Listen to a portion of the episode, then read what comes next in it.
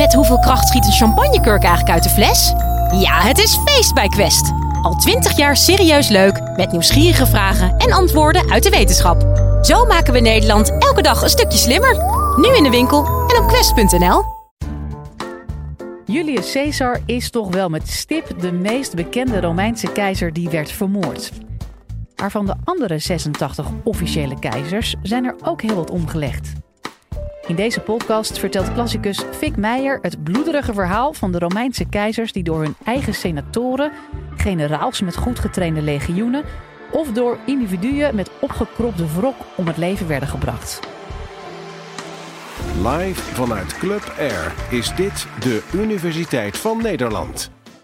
Dames en heren, Rome was ooit een republiek. Maar door die veroveringen werden steeds meer mensen rijk. En de senatoren waren daar de grootste profiteurs van. En die senatoren gingen elkaar steeds meer beconcurreren. Met het gevolg dat de samenhang, senaat en volk van Rome, dat die geleidelijk aan verdween. En dat er een machtsstrijd ontstond binnen die senaat. En de hoofdrolspeler in dat verhaal, verhaal is Julius Caesar. Julius Caesar, jullie kennen hem uit de films, uit Asterix en Obelix. Jullie kennen hem uit de geschiedenisboeken als de man die op 15 maart, de Ides van maart, van het jaar 44 voor Christus werd gedood. En waarom werd hij gedood?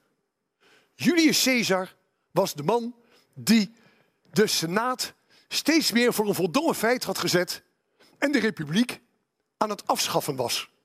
Hij liet zich benoemen tot dictator voor een periode van tien jaar. Maar dat werd hem door velen niet in dank afgenomen.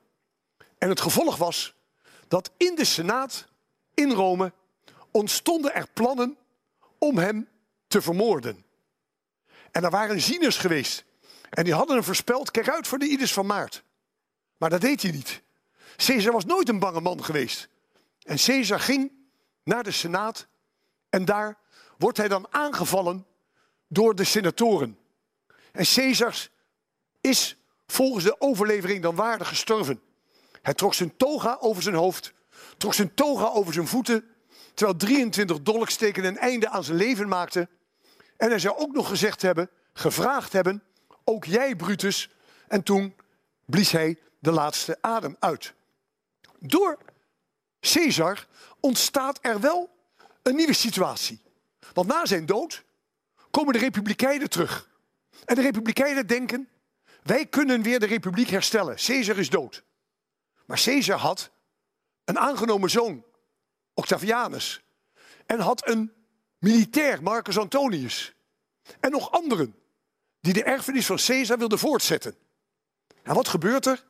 Er ontstaan allemaal twisten tussen senatoren, republikeinse senatoren en de opvolgers van Caesar. En die winnen.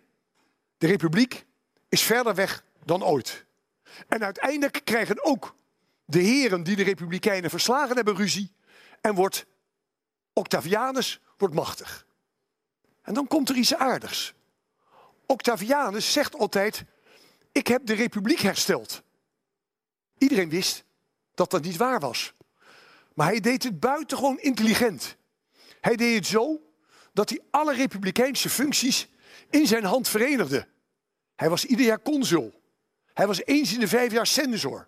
Hij had de bevoegdheid van volkstribuun, alle functies. En doordat dat die allemaal in zijn hand waren, kon hij doen wat hij wilde. Hij was de man die dus definitief een einde maakte aan die oude republiek. Maar je moet hem één ding nageven. Hij was misschien niet de dapperste krijgsheer, maar hij was wel een voortreffelijk organisator. Als er in die tijd treinen gelopen zouden hebben, zouden ze gegarandeerd op tijd gelopen hebben. Want hij was echt een regelaar bij uitstek. En hij maakte ook vrede. De Pax Romana, de Romeinse vrede. De vrede van Augustus. En dat is wel belangrijk. En hier zien we het vredesaltaar. Het altaar van de vrede. Want hij dacht, nadat hij teruggekeerd was in Spanje en daar nog een gebied veroverd had, nu is het Romeinse Rijk tot rust gekomen. De tweedracht is weg. handel en nijverheid kunnen opbloeien als nooit tevoren. En Augustus is 41 jaar aan het bewind gebleven. Hij was ook een comediant. Want toen hij aan het einde van zijn leven ziek werd, toen kwamen in Nola, vlakbij Napels, waar hij stierf, allerlei familie en vrienden om zijn bed.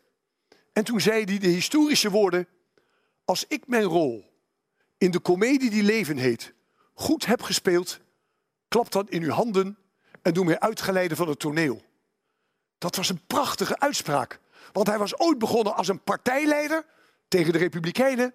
En hij werd uiteindelijk de patroon van allen. Hij ging op zeker moment ging hij dood. Zoals ik net beschreven heb. Maar hij had geen zoon. En hij adopteerde dus een andere man. En dat was Tiberius. Hij was getrouwd met Livia. En Livia had uit een eerder huwelijk Tiberius meegenomen. Een oude, nukkige man. Een man die volgens de roddelaar Suetonius, een mengeling van Albert Verlinde en Evert Santegoeds, was die meneer, was die meneer Tiberius een hele vieze man. Hij deed het met hele kleine jongetjes, maar was geen slechte keizer. En hij stierf uiteindelijk rustig in bed. En toen had hij een man aangenomen, Caligula. En daar heeft u ongetwijfeld van gehoord. Caligula of Gaius. En dat is een buitengewoon vreemde man. En het aardige is, wij lezen over die man, vooral bij Suetonius, de man die ik net noemde. Die heeft van die smeuïge verhalen over de keizers. En dan moet je je altijd afvragen, zijn ze waar? Hij ging op een zeker moment naar Brittannië toe.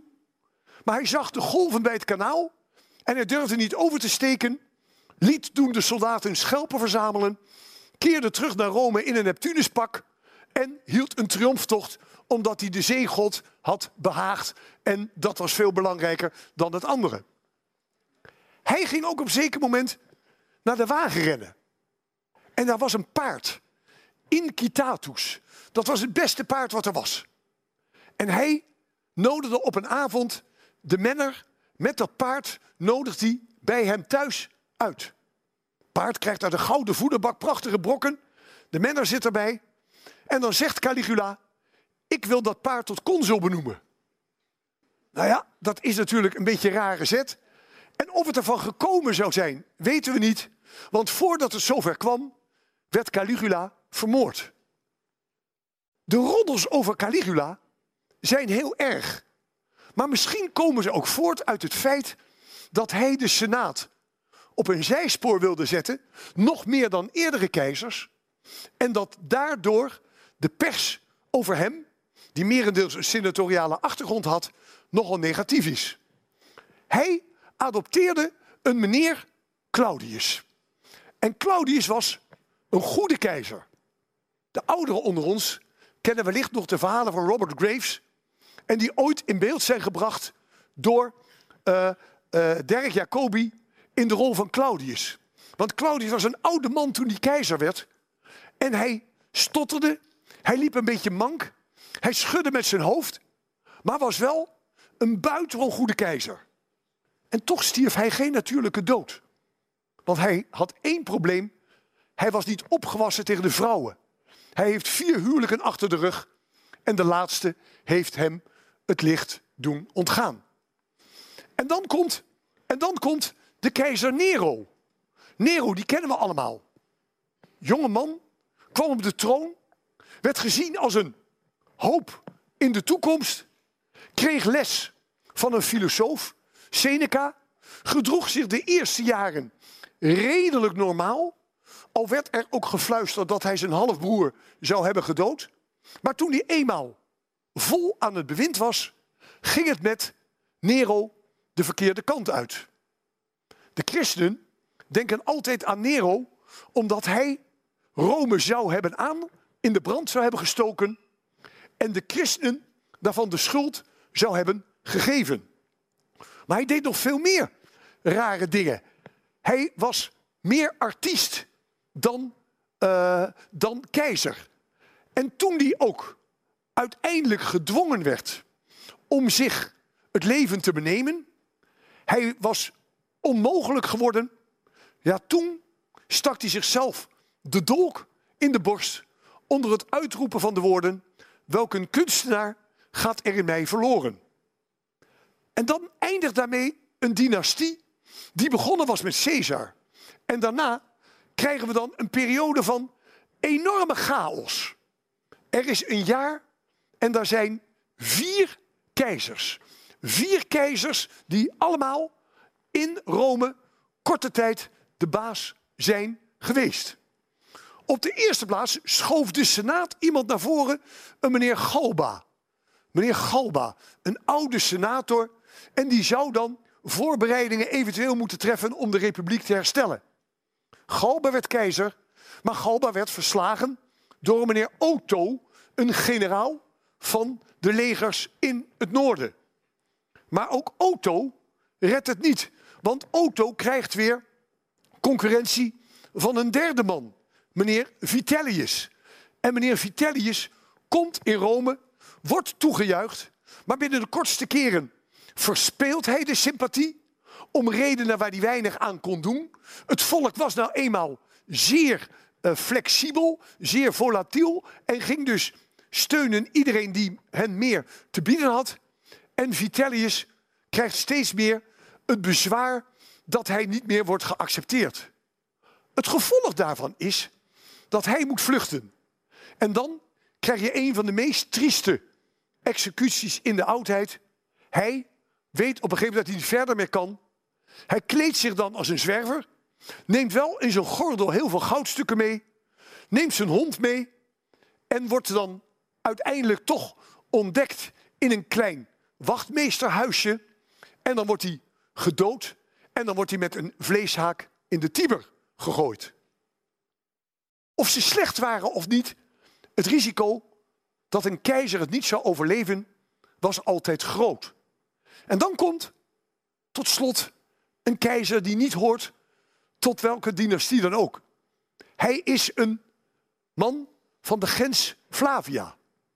En die meneer heet, die meneer heet Vespasianus.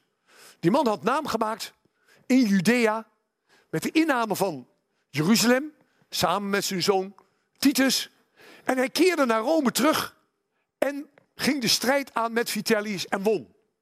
En dan breekt er een nieuwe periode aan. Dan komt er weer een andere dynastie. Met weer andere kwaliteiten, met andere problemen. En wat doet die meneer Vespasianus? Die wil op de eerste plaats afrekenen met alles wat Nero had gedaan. Nero had een groot gouden huis, een paleis voor zichzelf gebouwd. En in de tuinen van dat paleis bouwt Vespasianus het Colosseum. Voor jullie die gewend zijn aan de herbouw van het Rijksmuseum, is het misschien wel aardig om te weten dat het Colosseum kwam in tien jaar tot stand. Een enorm bouwwerk waar 50.000 mensen in konden. En die Vespasianus die deed dat in die tijd. En toen het geopend werd, in het jaar 80 was hij intussen gestorven, maar zijn zoon deed dat. En waar is die man nog het meest bekend door geworden? Door een uitspraak. Pecunia non olet. Geld stinkt niet. En waarom zei hij dat?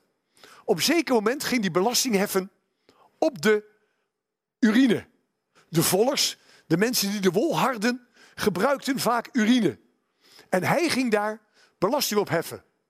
Toen kwam zijn zoon aan en toen hield de keizer zijn zoon een munt voor en die zei, uh, die zoon zei, geld stinkt. Toen zei hij, geld stinkt niet, kijk maar. En dat was de uitspraak waar hij het meest bekend door is geworden. Keizers hadden altijd een afbreukrisico. Keizers konden ten onder gaan. En de eerste eeuw is nog heilig vergeleken met de keizers van de derde eeuw. En de keizers van de derde, de keizers van de derde eeuw, die keizers, die kwamen nog gewelddadiger aan hun einde. Maar er kwam er nog meer bloed. In dit college heb ik laten zien hoe keizers, als ze het niet goed deden, altijd het gevaar hadden dat ze ja, gedood konden worden. Dat is de les van Rome. Wil je nou nog meer afleveringen van de Universiteit van Nederland horen? Bijvoorbeeld over de vragen waarom zoveel millennials kampen met een burn-out. Of hoe je een oogbal kunt bioprinten. Check dan de hele playlist.